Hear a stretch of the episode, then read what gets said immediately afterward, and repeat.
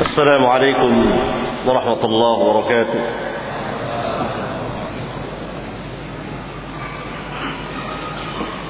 إن الحمد لله نحمده ونستعينه ونستغفره ونعوذ بالله من شرور أنفسنا ومن سيئات أعمالنا. من يهده الله فلا مضل له ومن يضلل فلا هادي له. وأشهد أن لا إله إلا الله وحده لا شريك له. وأشهد أن محمدا عبده ورسوله. يا أيها الذين آمنوا اتقوا الله حق تقاته ولا تموتن إلا وأنتم مسلمون. يا أيها الناس اتقوا ربكم الذي خلقكم من نفس واحدة وخلق منها زوجها وبث منهما رجالا كثيرا ونساء واتقوا الله الذي تساءلون به والأرحام إن الله كان عليكم رقيبا يا أيها الذين آمنوا اتقوا الله وقولوا قولا سديدا. يصلح لكم أعمالكم ويغفر لكم ذنوبكم. ومن يطع الله ورسوله فقد فاز فوزا عظيما. أما بعد. أيها الإخوة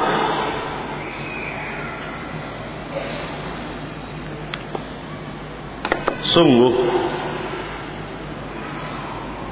sangat mengembirakan kita.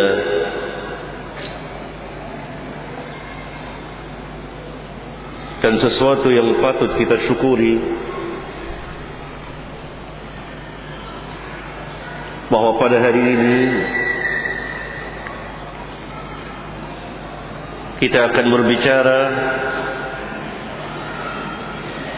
walaupun hanya setitik dari perjalanan seorang imam Amirul Mukminin fil hadis Al-Imam Abu Abdullah Muhammad bin Ismail Al-Bukhari rahmatullahi alaihi rahmatan wasi'atan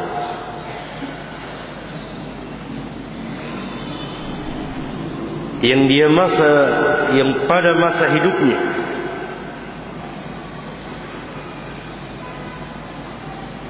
Dia tampil di hadapan kaum muslimin khususnya para ulama.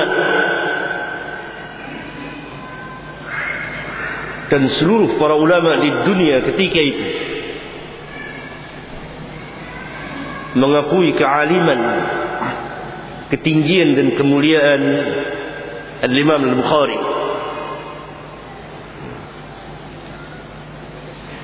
sampai guru beliau yang bernama Ali bin Madini yang terkenal dengan nama Ibnul Madini ini imam imamul jarh wa ta'dil ketika disampaikan orang mengenai perkataan Bukhari kepadanya sanjungan dan penghormatan Bukhari kepadanya apa kata Bukhari tentang gurunya ini? Saya tidak pernah merasa kecil berhadapan dengan seorang pun juga. Yang dimaksud berhadapan di sini berhadapan ilmiah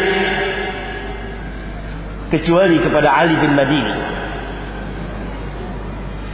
Dan memang terbukti Al-Imam Al-Bukhari tidak pernah merasa rendah tidak pernah merasa kecil ketika berhadapan hatta dengan seorang imam besar. Kecuali dengan gurunya ini Ibn al-Madini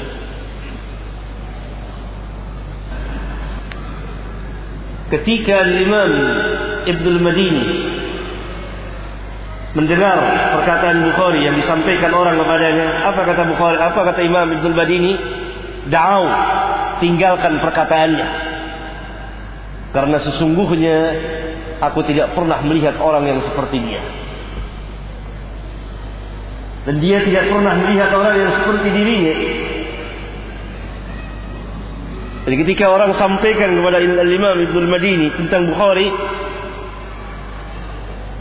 maka Ibnu Madini mengatakan tinggalkan perkataan dia, biarkan perkataannya. Karena aku tidak pernah melihat orang yang seperti dia. Ini imam besar yang telah mendapat ujian dari seluruh para ulama ketika itu. Kita akan lihat sebagiannya. Siapa Imam Al-Bukhari? Namanya Muhammad. Ayahnya bernama Ismail. Kakeknya bernama Ibrahim. Kakek dari bapaknya bernama Mugirah. Kemudian kakeknya lagi Bardizmah. Bardizbah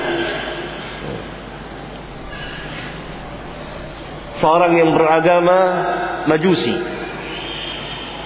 Yang kemudian Mughirah. Kakek dari bapaknya masuk Islam. Dan menetap di dia orang Bukhara. Yang termasuk wilayah Khurasan Khurasan adalah salah satu wilayah negeri yang luas sekali.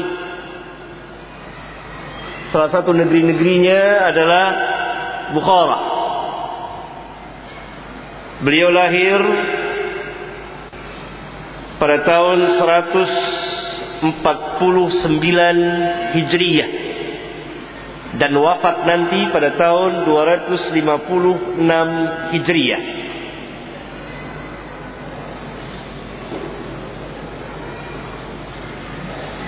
Berarti usianya 62 tahun.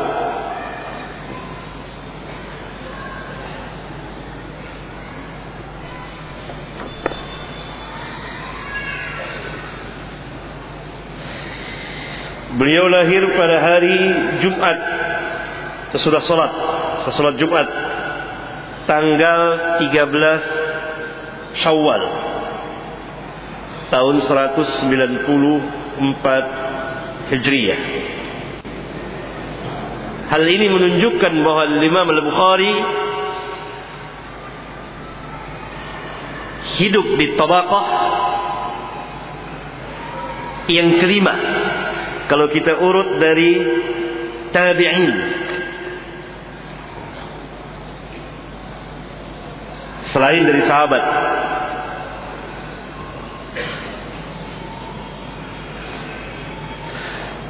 tabaqatul muhaddithin tingkatan para ahli hadis seperti ini. Tabaqah yang pertama tabi'in.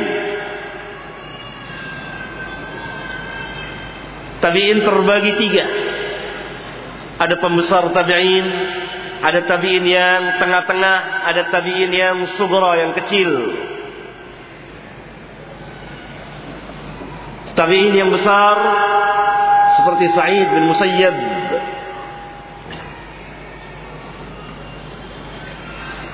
ada tabi'in yang sedang wusta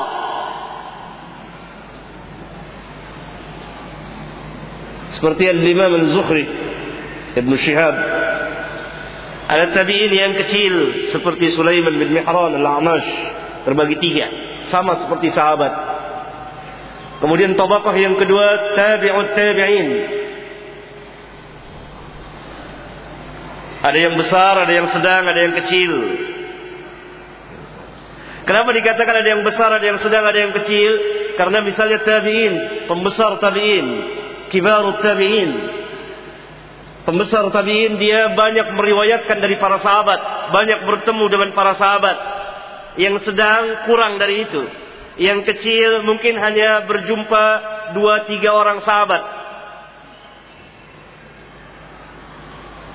Tabi'in. Kemudian tabi'ut tabi'in terbagi tiga juga. Yang besar, yang sedang, yang kecil. Sesuai dengan zamannya. Misalnya pembesar tabi'ut tabi'in Al-Imam Malik rahimahullah ta'ala.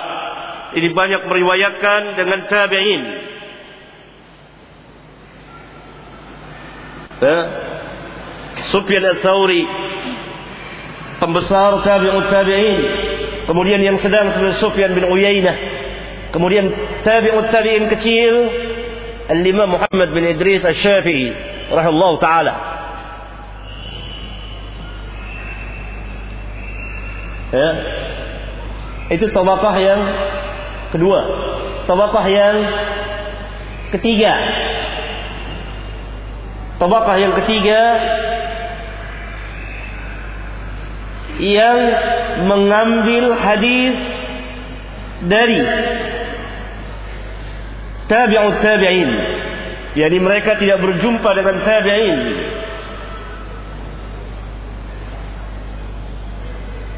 Mereka tidak berjumpa dengan tabi'in. Mereka berjumpa dengan tabi'ut tabi'in. Tiga kurun terbaik yang disabdakan oleh Nabi SAW dalam hadis mutawatir. Khairun nas qarni. Thumma alladhina yalunahum. Thumma alladhina yalunahum. Sebaik-baik manusia yang hidup di zamanku. As-sahaba. Kalau kita hitung tabaqah dari sini maka sahabat tabaqah yang pertama tabi'in tabaqah yang kedua. Tabi'ut tabi'in tabaqah yang ketiga. Yang mengambil tabi'ut tabi'in tabaqah yang keempat Siapa yang mengambil dari tabi'ut tabi'in dan dia tidak termasuk tabi'ut tabi'in di antara pembesarnya Al-Imam Ahmad bin Muhammad bin Hanbal Al-Imam Ali bin Madini Al-Imam Yahya bin Ma'in Al-Imam Al-Fallas Al-Imam Duhaim dan lain-lain banyak sekali mereka ini kelompok kalau dari sahabat tabaqah yang keempat. Kalau dari tabi'in tabaqah yang ketiga. Mereka ini bukan tabi'ut tabi'in.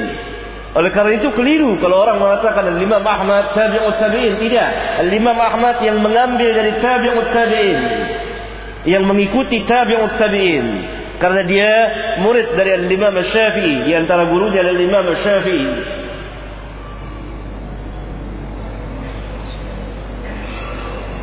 Al-Imam Ahmad tidak berjumpa dengan Al-Imam Malik. Kalau Imam Malik pembesar tabi'ut tabi'in. Ah, itu tabaqah, tingkatan. Dilihat dari zaman, umur. Ya. Nah, kalau dari tabi'in maka Imam Bukhari termasuk tabaqah yang keempat. Kalau dari sahabat maka Imam Imam Bukhari masuk tabaqah yang kelima. Kalau kita urut dari sahabat maka Imam Bukhari masuk tabaqah yang kelima. Kalau dari tabi'in tabaqah yang keempat. Yang mengambil dari orang yang mengambil dari tabi'ut tabi'in.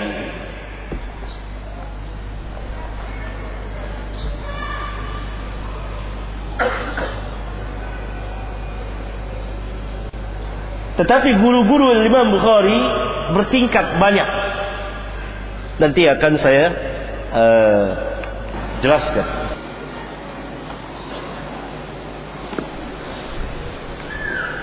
Yani Al-Imam Al-Bukhari yang mengambil hadis yakni zamannya, tabaqahnya, tingkatannya setelah tabaqah Al-Imam Ahmad bin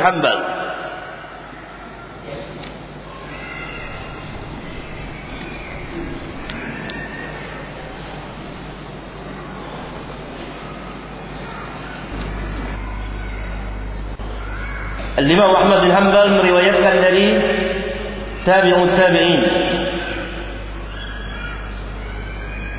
Meriwayatkan dari tabi'ut tabi'in. Mengikuti tabi'ut tabi'in. Al-Imam Al-Bukhari salah seorang gurunya adalah Imam Ahmad bin Hanbal. Maka dia tabaqah sesudahnya.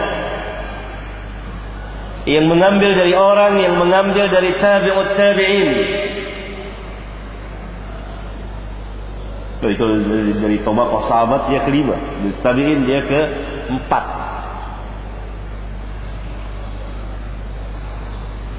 Al-Imam Al-Bukhari punya syekh guru yang dia mengambil hadis dari mereka sebanyak seribu orang lebih syekhnya.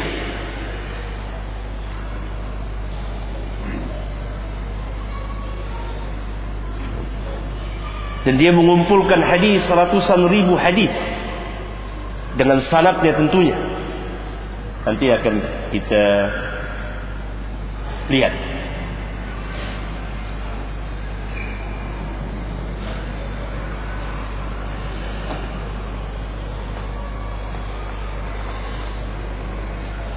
Kemudian setelah kita tahu di tobakoh mana Imam Al-Bukhari hidup.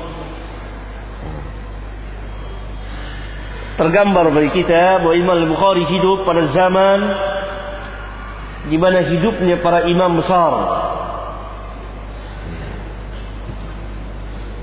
Di antaranya tiga imam yang sangat besar ketika itu, yang sangat menonjol. Al-Imam Ahlus Sunnah wal Jamaah, Al-Imam Ahmad bin Muhammad bin Hanbal. Yang kedua Al-Imam Ali bin Madini. Yang ketiga Al-Imam Yahya bin Ma'in tiga orang itu.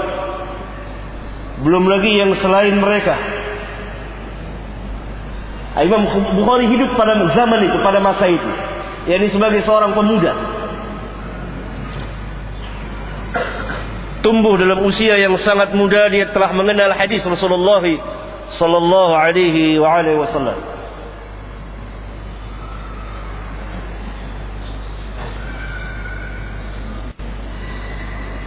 Nah, adapun tabaqah tingkatan guru-guru Bukhari itu bermacam-macam.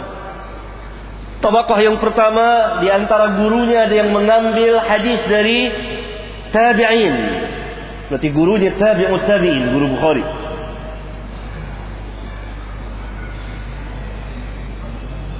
Kalau guru Bukhari, yakni syekh dia yang dia meriwayatkan hadis darinya, mengambil dari meriwayatkan dari tabi'in, tentu gurunya itu termasuk tabi'ut tabi'in.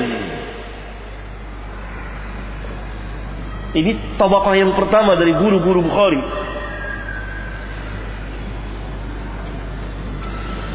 Tabaqah yang kedua sezaman dengan tabaqah yang pertama tetapi mereka tidak mendengar dari para tabi'in yang siqat yang terpercaya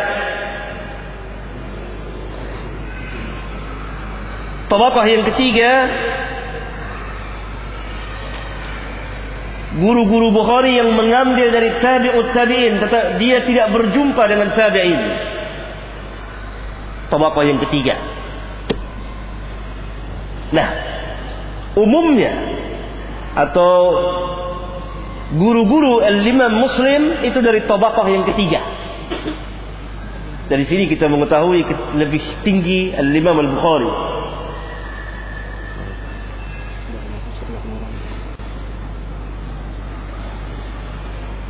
Karena di antara guru al-imam al-Bukhari ada yang tabi'ut tabi'in. Dan tabi'ut tabi'in ini mengambil dari tabi'in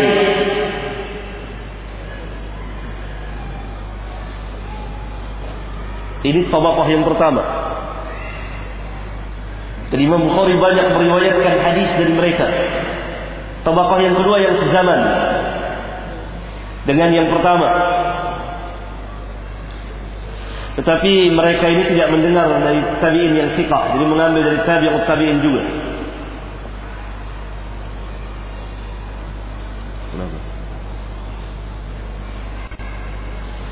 Tabaqah yang ketiga.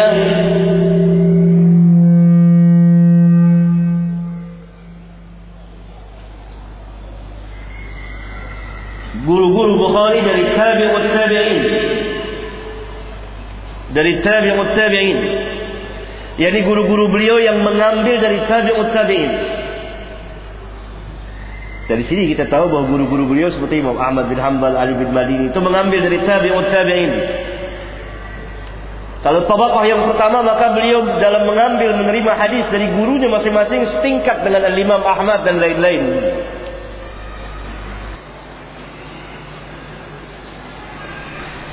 Ya, ini tingkatan guru-guru Al-Imam Al-Bukhari agar kita tahu ketinggian Imam Bukhari. Setelah kita tahu masa beliau hidup di tingkatan keberapa, di tabaqah keberapa. Dan kalau saudara membaca kitab Sahih Bukhari, ada ditulis haddatsana fulan. Pertama kali haddatsana fulan. Nah, nah, ini guru beliau yang pertama. Guru beliau ini mengambil dari gurunya. Gurunya ini masuk dari golongan mana? Tabaqah tingkatan yang keberapa? Tadi sudah saya terangkan yang pertama yang mengambil dari tabi'in. Berarti gurunya tabi'ut tabi'in.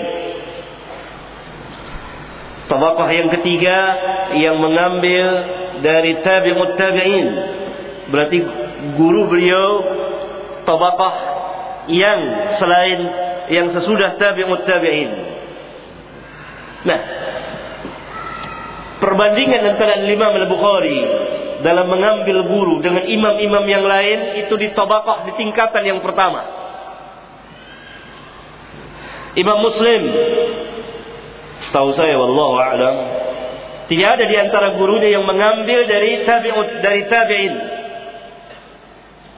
Tapi Imam Bukhari gurunya ada yang mengambil riwayat hadis dari tabi'in. Paham? Itu perbedaannya. Demikian juga imam-imam yang lain dari kutubus sittah. Berarti Bukhari menang setingkat dari jurusan penerimaan riwayat dari gurunya. Siapa guru Bukhari? Dari gurunya ada ada empat tobakoh katakan. Bahkan Al Hafiz bin Hajar mengatakan sampai lima tobakoh tingkatan. Guru-guru Imam Al Bukhari.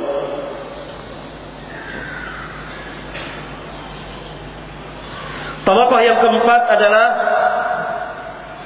sahabat-sahabat beliau yang sezaman dengan beliau, yang sama-sama belajar dengan beliau.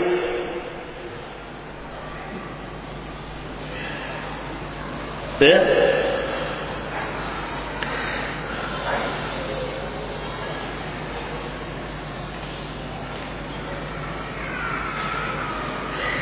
Tabaqah yang kelima orang-orang yang di bawah beliau.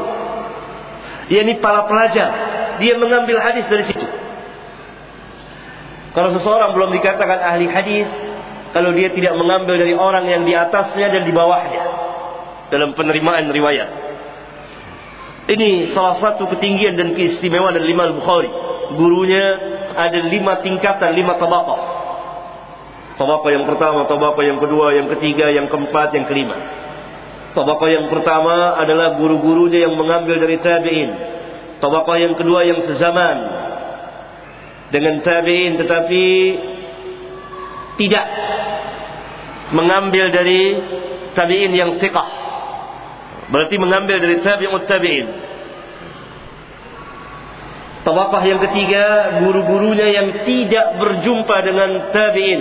Berjumpa dengan tabi'ut tabi'in.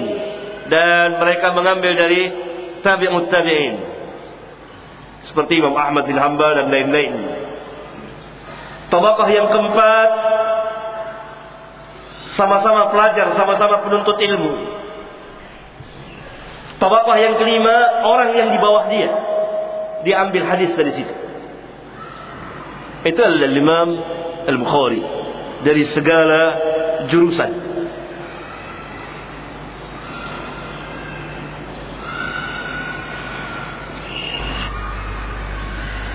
Ayuhal ikhwah.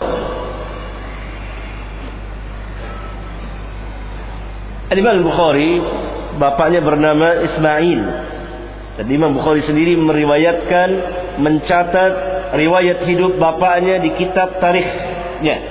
Beliau mempunyai kitab tarikh. Karangan Bukhari banyak sekali. Kita hanya batasi dalam kitab sahihnya. Di kitab tarikhnya dia menulis seperti ini. Berkata Bukhari, Sami'a abi min Malik bin Anas. وروى حماد بن زيد Wasafaha Ibn al-Mubarak bikilta yadayh yang artinya bapakku telah mendengar hadis dari Imam Malik, Imam Malik bin Anas. Malik bin Anas adalah imam. Dan dia bapakku telah melihat Hamad bin Zaid, dari seorang imam. Dan bersalaman dengan kedua tangannya kepada Abdullah bin Mubarak. Dan dia telah menyalami dengan kedua tangannya Abdullah bin Mubarak. Abdullah bin Mubarak dari tabi'ut tabi'in Al-Imam Malik dari tabi'ut tabi'in bahkan pembesar tabi'ut tabi'in Al-Imam Malik berarti bapaknya juga perawi hadis yaitu Ismail diriwayatkan ketika beliau lahir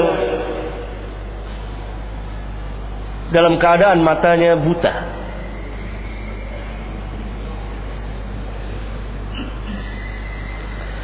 Jadi semasa kecil buta mata. Ada yang mengatakan sejak lahir, ada yang mengatakan sejak kecil. Setelah lahir terjadi kebutaan pada matanya. Kemudian ibunya senantiasa menangis dan berdoa. Lalu dia ibunya bermimpi berjumpa dengan Ibrahim Khalilur Rahman alaihi salatu wassalam. Dan Ibrahim mengatakan dalam mimpinya bahwa Allah Subhanahu wa taala telah mengembalikan kedua mata anakmu dan pagi-pagi dia melihat anaknya telah melihat. Imam Bukhari hidup dalam keluarga yang salihin, Bapaknya sebelum mati pernah mengatakan, saya setahu saya tidak pernah saya memakan dari harta yang haram dan tidak juga dari yang syubhat.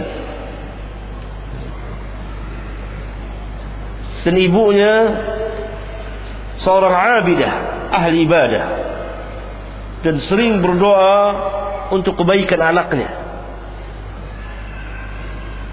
Tumbuhlah Imam Bukhari sejak kecil dan dia dimasukkan ke madrasah sebagaimana kebiasaan anak-anak. Kemudian pada usia 10 tahun sudah keluar tamat dari madrasah untuk belajar membaca dan menulis. Maka dia sering berkeliling mendatangi para imam ahlul hadis. Usia 10 tahun. Usia 11 tahun. Dari usia 10 tahun. Mulai usia 10 tahun ke atas dia mulai berkeliling mendatangi masyayikh guru-guru besar imam-imam ahlul hadis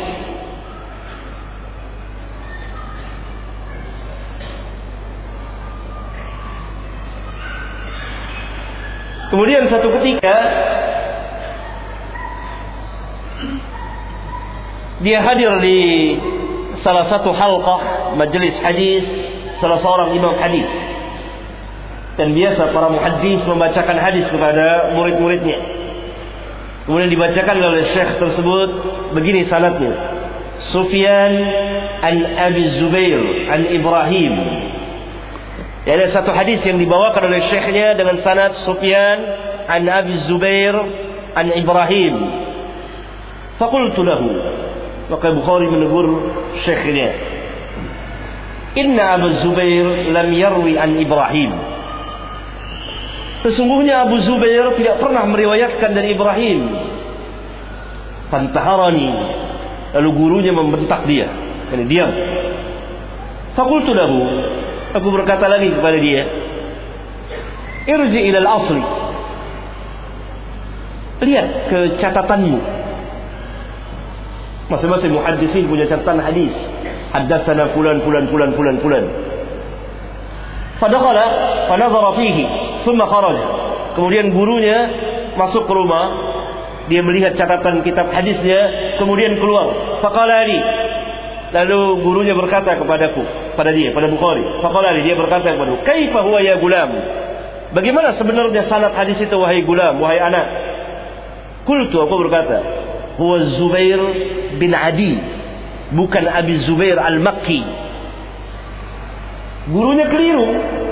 Zubair bin Adi ditulis uh, dia sebut Abi Zubair. Yang sebenarnya Zubair bin Adi. Tidak pakai Adi. Dan itu ada di catatan dia, dia dengan hafalannya, keliru, lupa. an Ibrahim Fakhadha al-qalam minni wa ahkama kitabahu. Lalu gurunya mengambil penanya Bukhari, lalu dia tulis Zubair bin Adi an Ibrahim. Ya, dan dia masukkan ke dalam kitabnya itu. Faqala sadaqta. Dan gurunya berkata kepada Bukhari, benar engkau. Ya ini bukan dari Abi Zubair. Ya, bukan an Abi Zubair an Ibrahim, bukan. Tapi dari Zubair bin Adi an Ibrahim. Lihat. Kemudian ditanya oleh orang, Fakir dari Bukhari, maka Bukhari ditanya, Ibnu kam kunta hina radadta alaihi? Umur berapa engkau ketika engkau membantah ad-dakhili, yang ulama itu, imam besar itu. Kata Bukhari, ihda asyara sana, 11 tahun. Sedang apa anak-anak kita umur 11 tahun?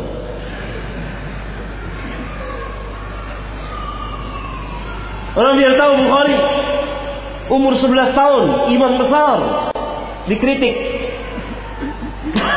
di majelis hadis sedang dibacakan hadis. An Sufyan, an Abi Zubair, an Ibrahim. Ditegur Bukhari, salah. Bukan Abi Zubair, An Zubair bin Adi. Ternyata sedekah benar engkau umur 11 tahun. Umur berapa sekarang orang-orang yang mengkritik Bukhari? Tolong hafal bangsa arba'in, hadis arba'in saja. Orang-orang yang mengkritik Bukhari khususnya di Jakarta ini hafal tidak hadis arba'in dengan sanatnya, nggak usah dengan sanat, matan saja.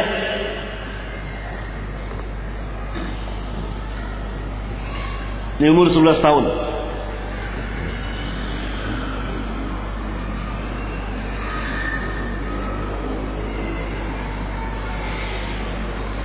Kata Imam Al-Bukhari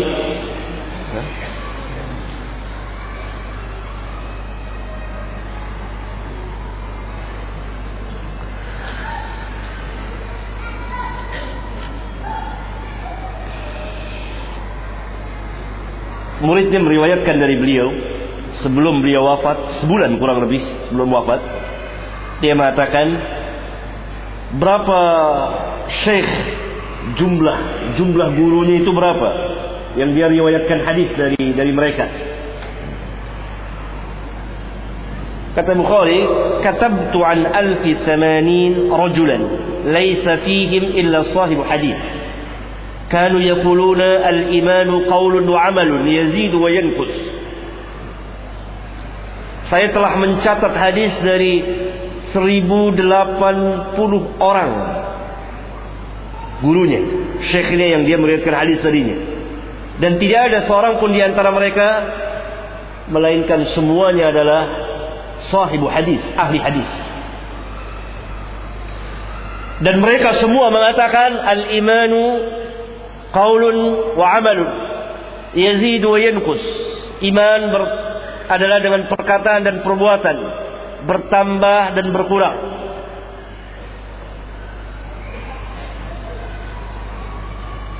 Ini guru-guru beliau langsung. Yang kalau kita baca Sahih Bukhari katakan haddatsana fulan, itu gurunya.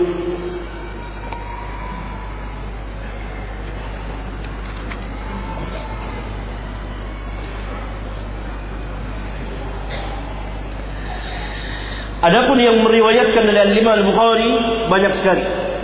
Tidak terhitung jumlahnya. Di antaranya yang yang yang paling terkenal Al-Imam Abu Isa At-Tirmidzi. Jadi termasuk murid besarnya. Kemudian Al-Imam Abu Hatim Ar-Razi. Kemudian Ibrahim bin Ishaq. Kemudian Al-Imam Ibn Abi Dunya. Kemudian Al-Imam Ibn Khuzaimah.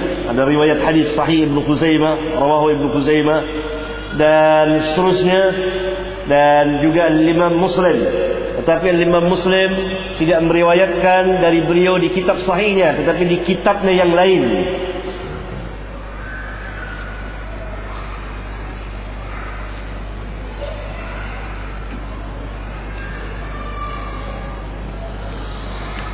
Al-Imam Al-Bukhari mengadakan rihla menuntut ilmu ke negeri-negeri untuk mencari imam ahlul hadis. Kita lihat apa kata beliau.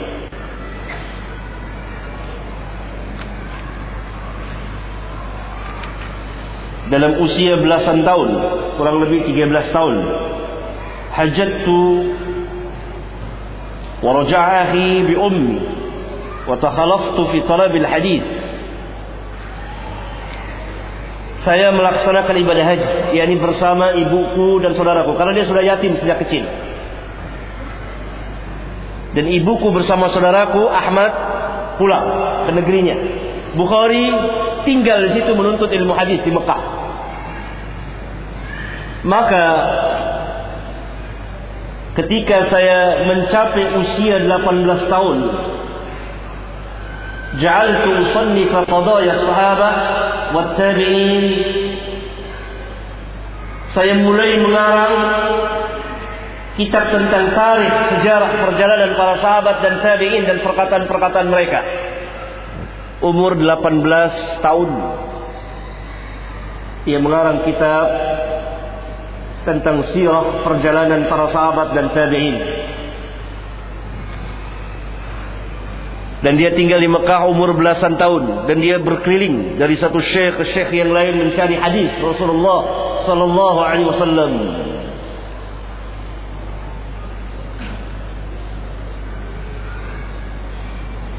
Kemudian Bukhari pernah mencerita lagi, "Wa kuntu akhtaliku ila bi wa sabiyyun."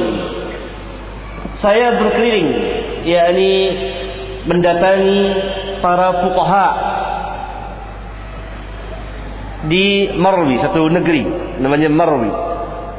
Dan ketika itu ana saya masing sobi, masing kecil.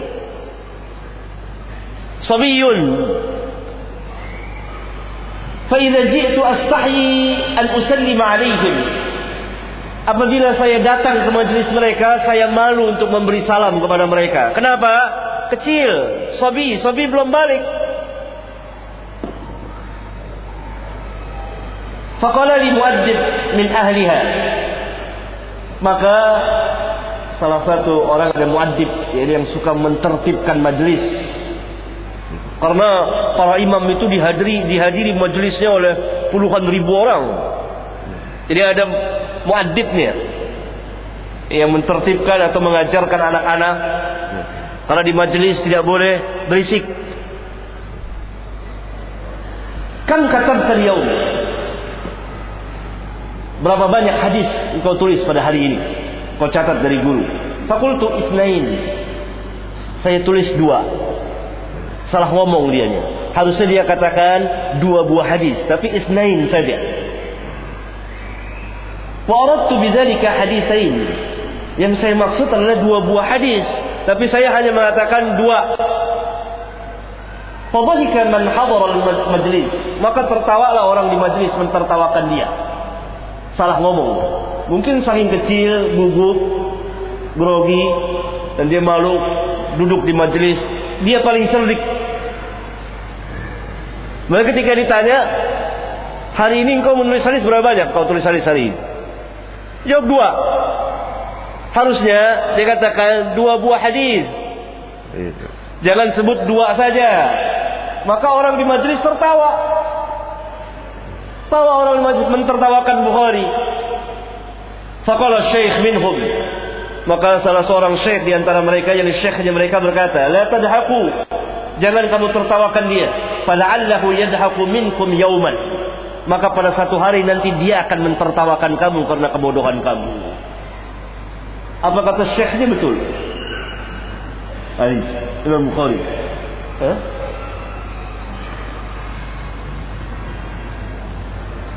Kemudian kisah yang menarik dari Al-Imam Al-Humaydi. Kalau antum baca hadis pertama di Bukhari nomor satu, dia mengatakan telah menceritakan kepadaku Al-Humaydi. Al-Humaydi ini imam besar. Imam besar. Murid dari Al-Imam Al-Syafi'i. Apa kata Al-Humaydi? Kata Bukhari,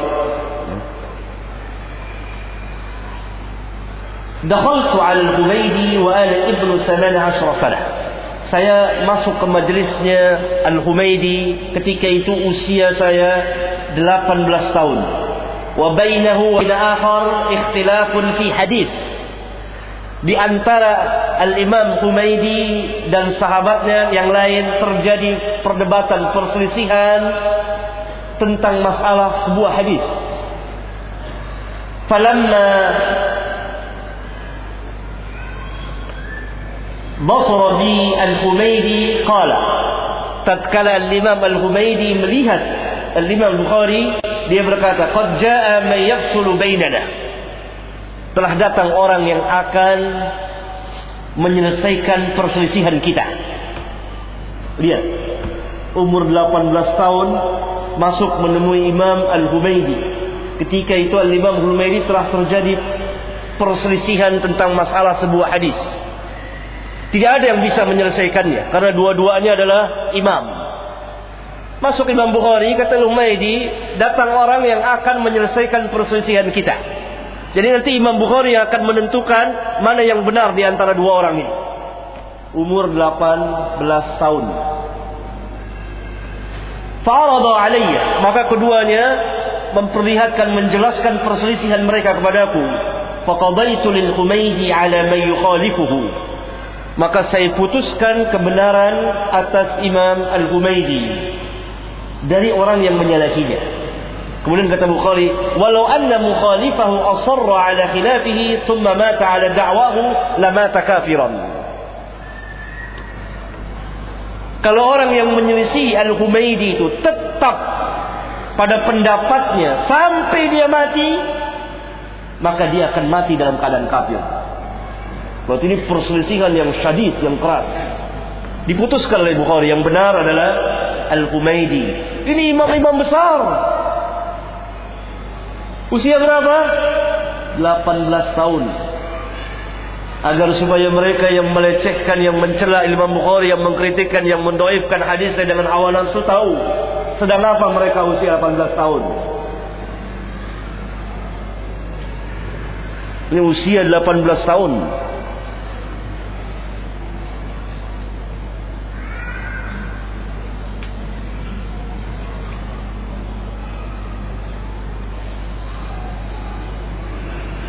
Kemudian kejadian yang menakjubkan lagi. Imam Bukhari punya guru namanya Ishaq bin Rahway. Rahway bisa, Rahway bisa. Setelah Imam Al-Bukhari mengarang kitab tarikh, tarikh kabir. Bisa dibeli di toko-toko kitab. Kemudian dia perlihatkan kepada gurunya Ishaq Lalu Ishaq imam besar ini memperlihatkan kitab ini kepada Amir waktu itu. Amir Abdullah bin Tahir. Kata Imam Ishaq apa? Ayuhal Amir, ala urika sihran. Wahai Amir, mau aku perlihatkan kepadamu sebuah sihir? Yani kitab ini amat menakjubkan. Tidak ada orang bisa mengarang seperti ini. Qala lalu Amir Abdullah bin Tahir lihat kitab tarikh itu. Fanadhara fihi Abdullah fata'ajjaba fihi wa qala lastu afhamu tasnifahu. Lalu dia lihat dia baca takjub dia dan dia dia dia dia, dia berkata saya tidak paham karangan ini. Kalau dia tidak paham tingginya karangan ini, nggak ada yang bisa paham itu kecuali para imam. Itu kitab tarik sampai gurunya sendiri mengatakan, "Ya Amir, mau saya perlihatkan kau sebuah kitab sihir?" Jadi amat menakjubkannya kitab itu. Bukan kitab sihir pedukunan tapi secara lugah bahasa yang amat menakjubkan orang.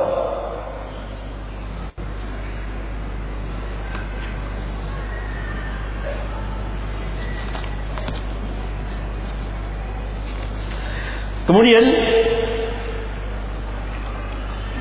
Al-Imam Al-Bukhari seliling berkeliling kota mencari ilmu dari pembesar-pembesar para ulama karena ketika itu banyak sekali dan tidak terhitung jumlahnya dia masuk ke kota Baghdad.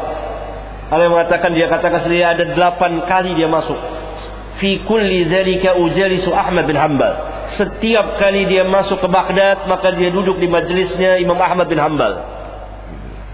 Faqala li fi akhir ma wadda'tu maka terakhir ketika beliau mengucapkan perpisahan kepadaku akan berpisah pulang ke Khurasan maka Imam Ahmad berkata kepada dia, kata-katanya dia ingat terus. Ya Abu Abdullah, tada'ul ilma wan nas wa tasiru ila Khurasan. Wahai Abu Abdullah, kunyahnya Imam Bukhari. Engkau tinggalkan ilmu dan manusia dan kau akan kembali ke Khurasan, maksudnya engkau dakwah. Qala fa'ana al-an azkuru qawlahu. Maka sekarang senantiasa saya ingat perkataan beliau itu. Jadi nasihatin oleh gurunya. Jadi jangan pulang diam. Tapi pulang ad-da'wah ila Allah. Tuntut ilmu. Jangan kau tinggalkan ilmu dan jangan kau tinggalkan manusia. Tuntut ilmu belajar terus. Lihat para ulama. Talabatul ilmu sampai akhir ayatnya. Sehingga Imam Ahmad menasihati muridnya, jangan kau tinggalkan ilmu dan jangan kau tinggalkan manusia. Maknanya jangan kau tinggalkan belajar, jangan kau tinggalkan dakwah ilallah. Itu yang diingat membekas di hati Bukhari. Ya?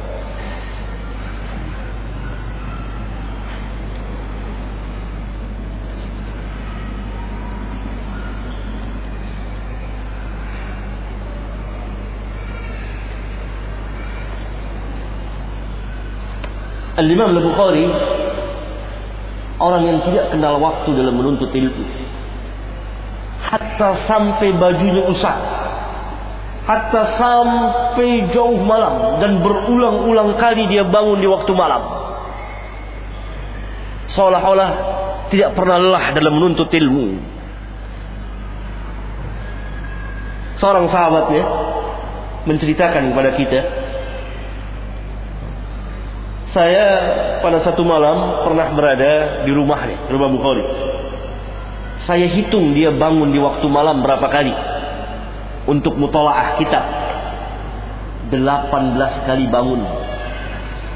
Tidur, bangun, nyalain lampu, mutolaah kitab, hadis. Tidur lagi, bangun lagi, tidur lagi. 18 kali. Dan ini bukan kejadian sehari. Itu sering diriwayatkan oleh salah sahabatnya ketika berada di rumahnya. Tidur, bangun, tidur, bangun, tidur, bangun. 18 kali bangun. Untuk apa? Mutolaah. Selain beliau qiyamul lain.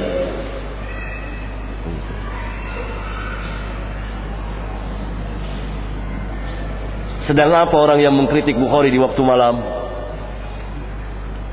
Tanya. Sedang apa orang yang mengkritik Bukhari waktu malam? Berapa lama, berapa banyak dia bangun? Dia mutolaah. Dia baca hadis ketika lampu waktu itu belum seperti ini. Pelita. 18 kali. Dalam semalam. Sejenak tidur bangun, sejenak tidur bangun.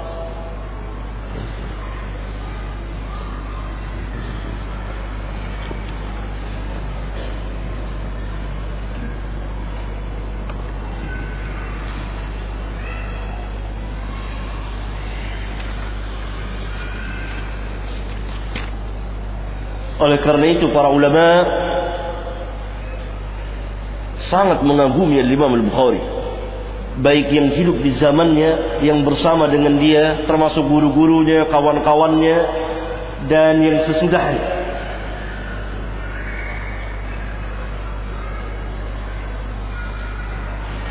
Perhatikan coba seorang imam besar Muhammad bin Salam namanya. Ini rawi hadis siqah kalau dia buka majelis, kemudian Imam Bukhari masuk, gemetar dia. Lihat kewibawaan Imam Bukhari. Imam Bukhari sudah seperti sudah usia 40 50 tahun tidak, sobi. Apa kata kata rawi ini? Kata Muhammad bin Salam, "Kullama dakhala alayya hadha as-sabi tahayyartu." Wal tabasa amrul hadis wa ghairihi. Setiap kali masuk anak kecil ini kepada saya saya heran dan gugup tersamar urusan bagi saya.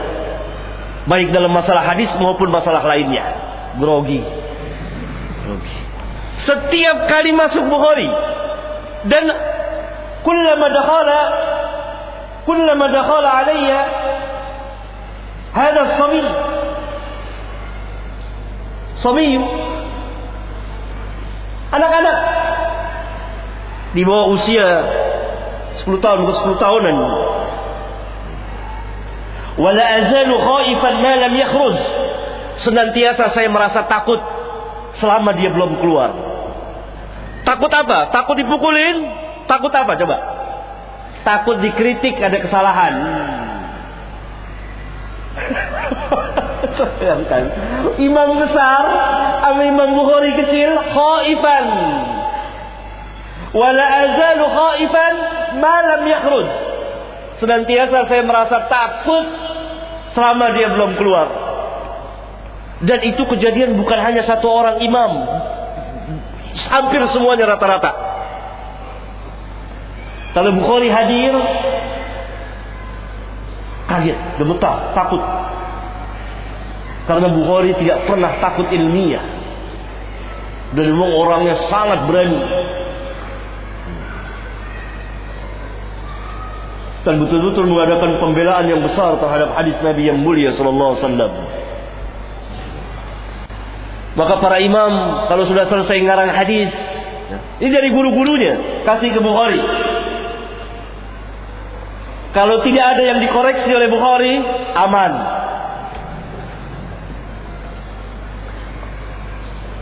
Ada yang dikoreksi oleh Bukhari sampai habis hadisnya. Habis hadisnya. 200 buah hadis habis. Eh, tapi Bukhari punya adab yang sangat tinggi sekali.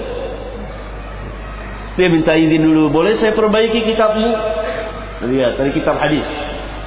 Rawi hadis sama-sama yang boleh saya perbaiki, saya lihat, saya izin, izin, boleh. Oleh satu-satu habis. Daif semua riwayatnya. Hmm.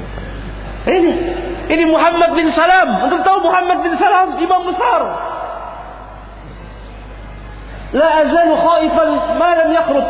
Senantiasa saya merasa takut sehingga dia mengatakan wal tabasa alayya amrul hadis wa ghairihi. Tersamar bagi saya masalah hadis dan yang lainnya. Gugup. Bukhari kecil.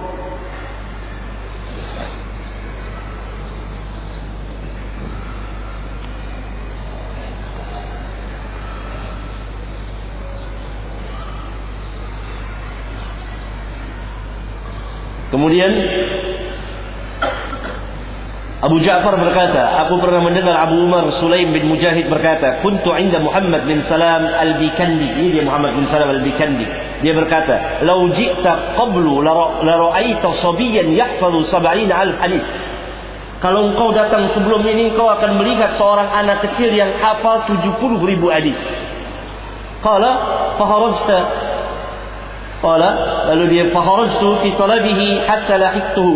Lalu saya keluar, yakni kata kata Abu Umar Sulaim bin Mujahid, saya keluar saya cari anak itu.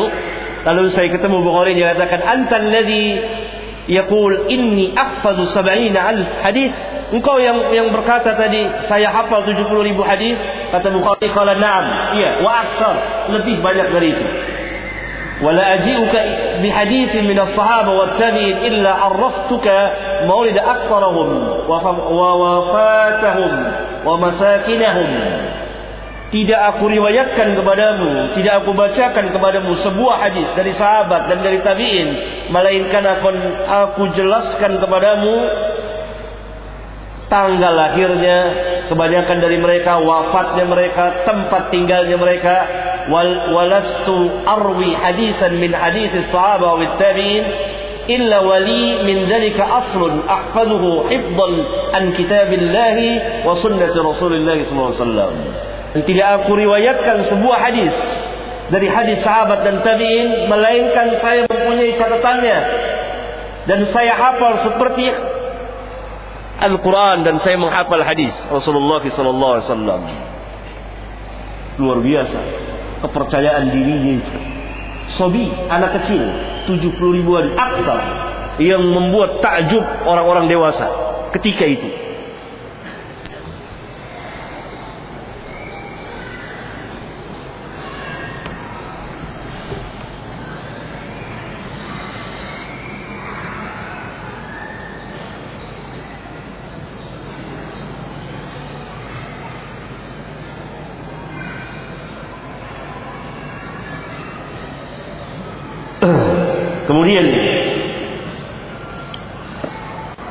Ini lebih menunjukkan ini. Ada seorang imam namanya Kutaibah bin Sa'ad. Ma'ruf. Lalu dia ditanya tentang orang yang mentalak istrinya dalam keadaan mabuk.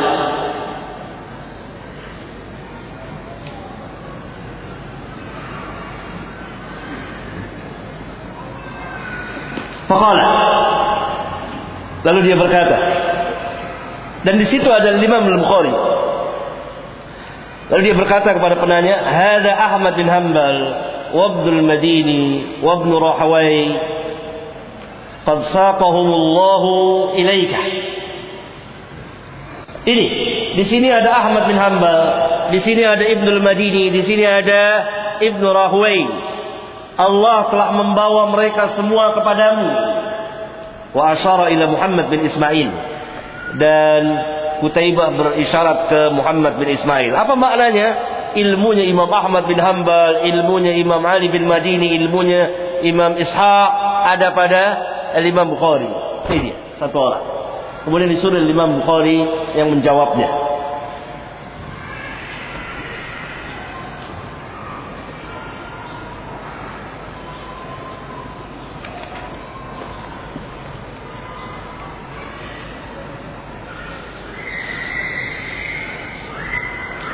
Ketika Al-Imam Al-Bukhari masuk menemui seorang imam besar lagi Sulaiman bin Harb namanya. Dia senantiasa berkata bayyin lana dhalat syu'bah. Jelaskan kepada kami kekeliruan Imam Syu'bah dalam hadis. Mana kekeliruannya hadis-hadis yang dia keliru? Dijelaskan oleh Imam Al-Bukhari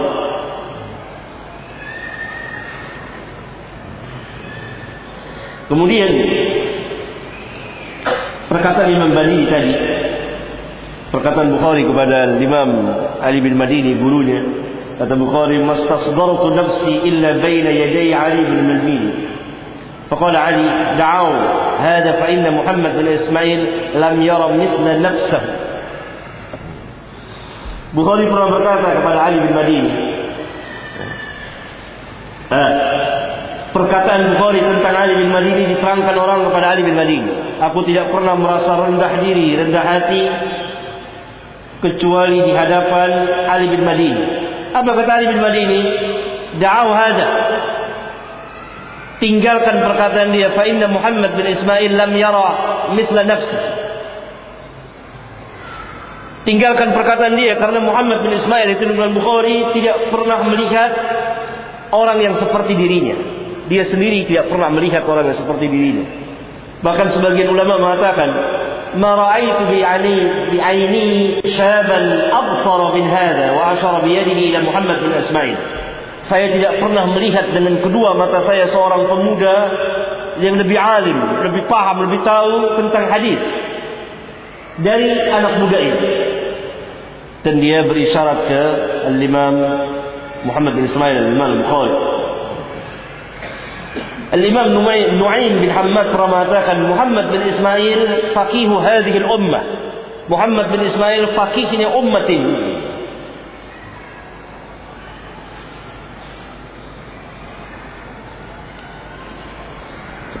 Oleh karena itu saking cerdiknya dan pinternya dan hampir-hampir tidak salah maka teman-temannya seperguruan ingin kalau Imam Bukhari salah dalam hadis.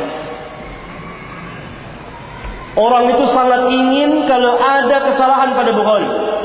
Maka mereka sering mudakarah dengan Imam Bukhari. Mencari-cari kesalahannya. Dan selalu disambut baik oleh Imam Bukhari. Dan itu memang keinginan dan keberanian yang luar biasa. Tidak, tidak penakut orangnya. Berani berhadapan. Maksudnya berani ilmiah. Ya? Dia lihat salah satu contohnya.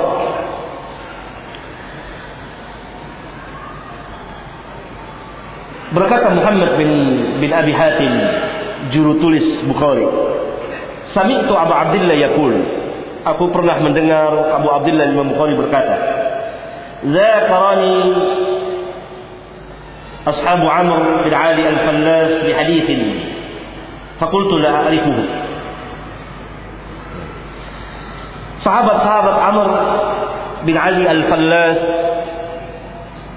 telah muzakarah padaku yakni menanyakan kepadaku mengujiku dengan sebuah hadis. Lalu saya jawab la arifu. Saya nggak tahu hadis itu. Fasurra bidzalika. Maka senanglah mereka mendengar kata-kata Bukhari la arifu karena selama ini Bukhari belum pernah mengatakan la arifu tahu saja hadis maka sahabat-sahabat Amr bin Falas, Amr bin Falas guru Imam Bukhari juga. Guru Imam Bukhari juga. Dan setelah dia selesai mengarang kitab sahihnya, dia hadapkan kepada gurunya. Gurunya memujinya. Ada empat orang guru. Amr bin Falas, Imam Ahmad, Ali bin Madini, Yahya bin Main. Dikasihkan kitab sahihnya, kitab sahih Bukhari. Semuanya memuji, bagus. Kecuali ada empat buah hadis. Eh? Nah, karena guru-guru imam-imam gemeteran kalau berhadapan dengan Imam Bukhari dan tidak pernah Imam Bukhari mengatakan la arifu saya tidak tahu kecuali ini. Maka mereka senang mendengarnya. Fasurra bidzalika. Girang. Ada hadis yang tidak diketahui oleh Muhammad bin Ismail. Lalu mereka datang kepada gurunya, yakni Al-Imam Amr bin Ali Al-Fallas وصاروا وصاروا إلى عمر فأخبروه lalu mereka datang kepada Amr jadi Amr bin Ali Al-Fallas lalu mereka menceritakannya hadis ini tidak diketahui oleh Muhammad oleh Muhammad bin Ismail Al-Bukhari apa jawab guru mereka hadithun la ya'rifuhu Muhammad bin Ismail laisa bihadithin hadis yang tidak diketahui oleh Muhammad bin Ismail bukan hadis. Mentah lagi mereka. Lihat. Hadis la ya'rifu Muhammad bin, Ismail laisa bihaditsin.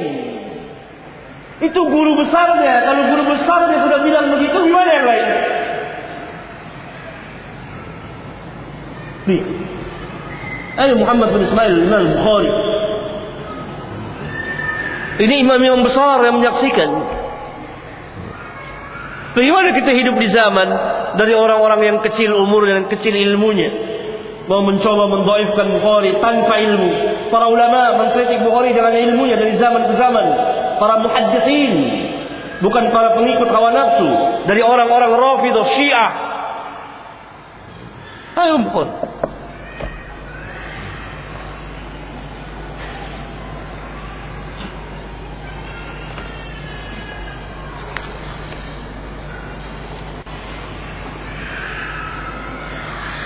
Banyak sekali pujian para ulama kepada Imam Al-Bukhari dari baik dari gurunya dan lain lain banyak sekali dari Imam Ahmad bin Hanbal banyak sekali pujian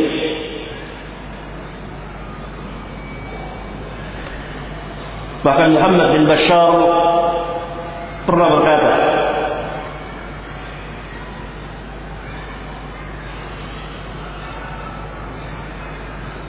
Hufadud dunia arba'atun. Ahli hadis besar dunia empat orang. Hufad.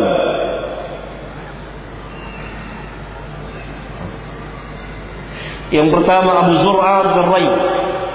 Kata Muhammad bin Bashar, Abu Zur'a bin Ray. Bin Ray tinggal di Ray.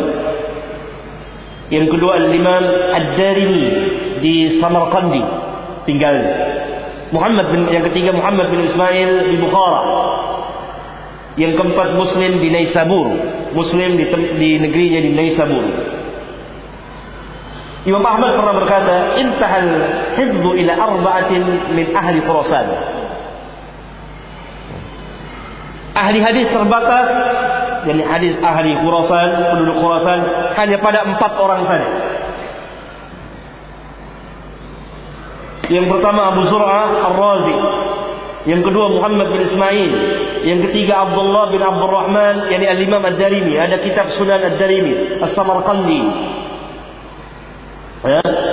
Yang pertama yang yang pertama Imam Abu Zura, yang kedua Imam Mus Bukhari, yang ketiga Imam Darimi, yang keempat Imam Hasan Syuja' al-Balkhi. Semuanya adalah orang dari Khurasan. Bahkan yang menakjubkan kisah Muhammad kisah Muhammad bin Bashar Bundar lakabnya berkata Muhammad bin Ismail Imam Bukhari. Imam Bukhari telah menceritakan kepada lamma dakhaltu al-Basra sirtu ila majlis Bundar ketika saya datang ke negeri Basrah Irak saya masuk ke majlis Al-Imam Muhammad bin Bashar yaitu yang lakabnya Bundar. Falamma waqa'a basaru basarahu alayya qala min aina al-fata? Ketika pandangan matanya tertuju kepada aku dia bertanya, "Wahai pemuda dari mana engkau?" Bunda itu sudah mengenal nama Imam Bukhari tapi belum tahu fisiknya, secara orangnya belum kenal namanya sudah dikenal. Kemudian Imam Bukhari berkata, "Qultu min ahli Bukhara." Dari penduduk Bukhara.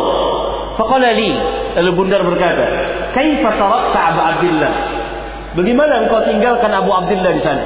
Dia tidak tahu Imam Bukhari. Ya. Famsaktu. Lalu kata Imam Bukhari dia diam. Lihat tawadu'nya. Tawadhu. Tidak dikatakan saya Bukhari. Enggak dia diam. Biar orang lain yang mengatakannya. Famsak. Faqalu lalu mereka yang di majlis mengatakan faqalu lahu yarhamukallah huwa Abu Abdullah Semoga Allah merahmatimu dia inilah Abu Abdullah yang kau tanya anak muda ini. Faqama wa akhadha.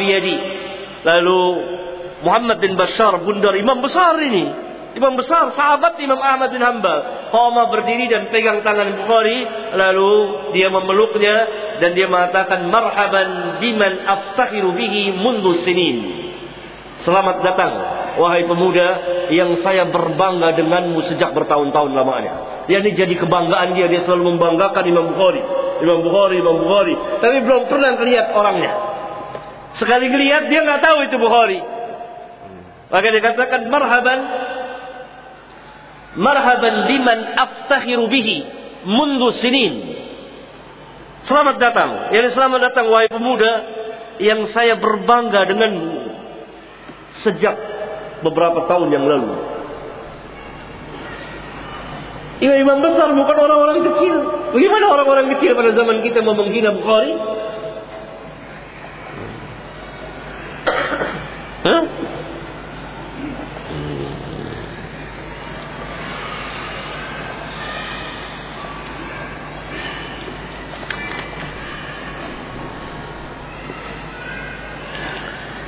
Cerita tentang ini tentang Imam Bukhari tidak ada habis-habis sanjungan pujian para ulama. Oleh kerana itu itu sedikit sirah dari Imam Bukhari sampai akhir hayat beliau.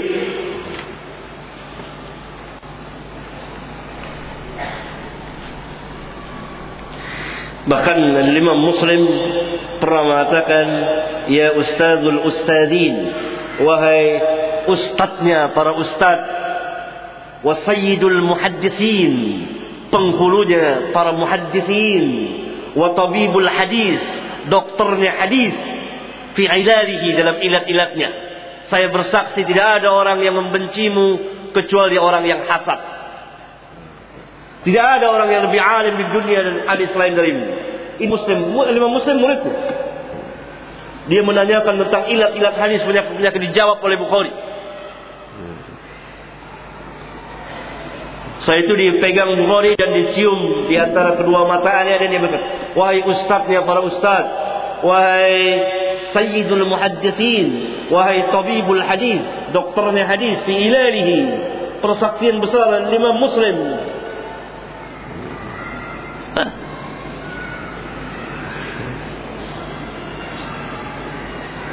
Nah, itu Bukhari. Sedikit sekali karena waktu tidak memungkinkan saya untuk memperincinya satu. Lalu apa karangan Imam Bukhari? Banyak sekali. Di antaranya yang paling masyhur adalah kitab sahihnya yang setiap hari Sabtu falillahilham kita pelajari dan telah dijelaskan oleh para ulama apa isi dari kitab sahih itu. Yang pertama-tama kita harus ketahui bahwa sebab-sebab Bukhari mengarang kitab sahih.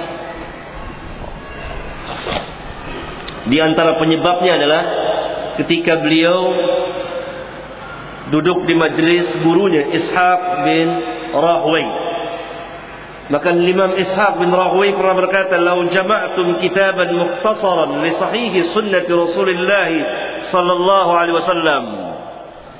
Kalau sekiranya kamu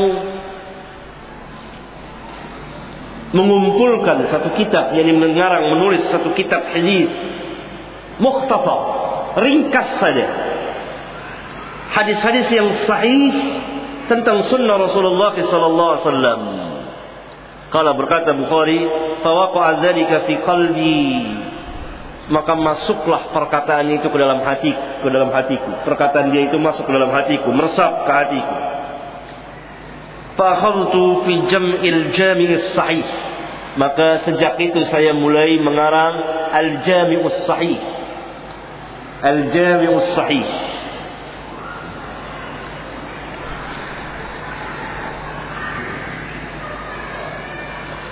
Dari 600 ribu hadis diseleksi oleh Imam Al-Bukhari.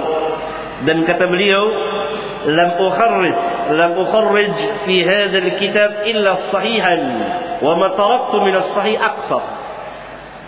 Tidak saya keluarkan di kitab ini tidak saya takhris tidak saya keluarkan satu pun hadis di kitab ini melainkan yang sahih.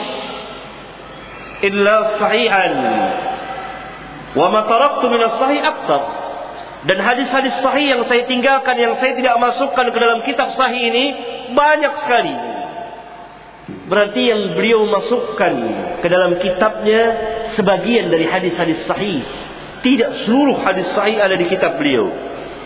Di kitab Jami'us Sahih, itu kitab Sahih Bukhari.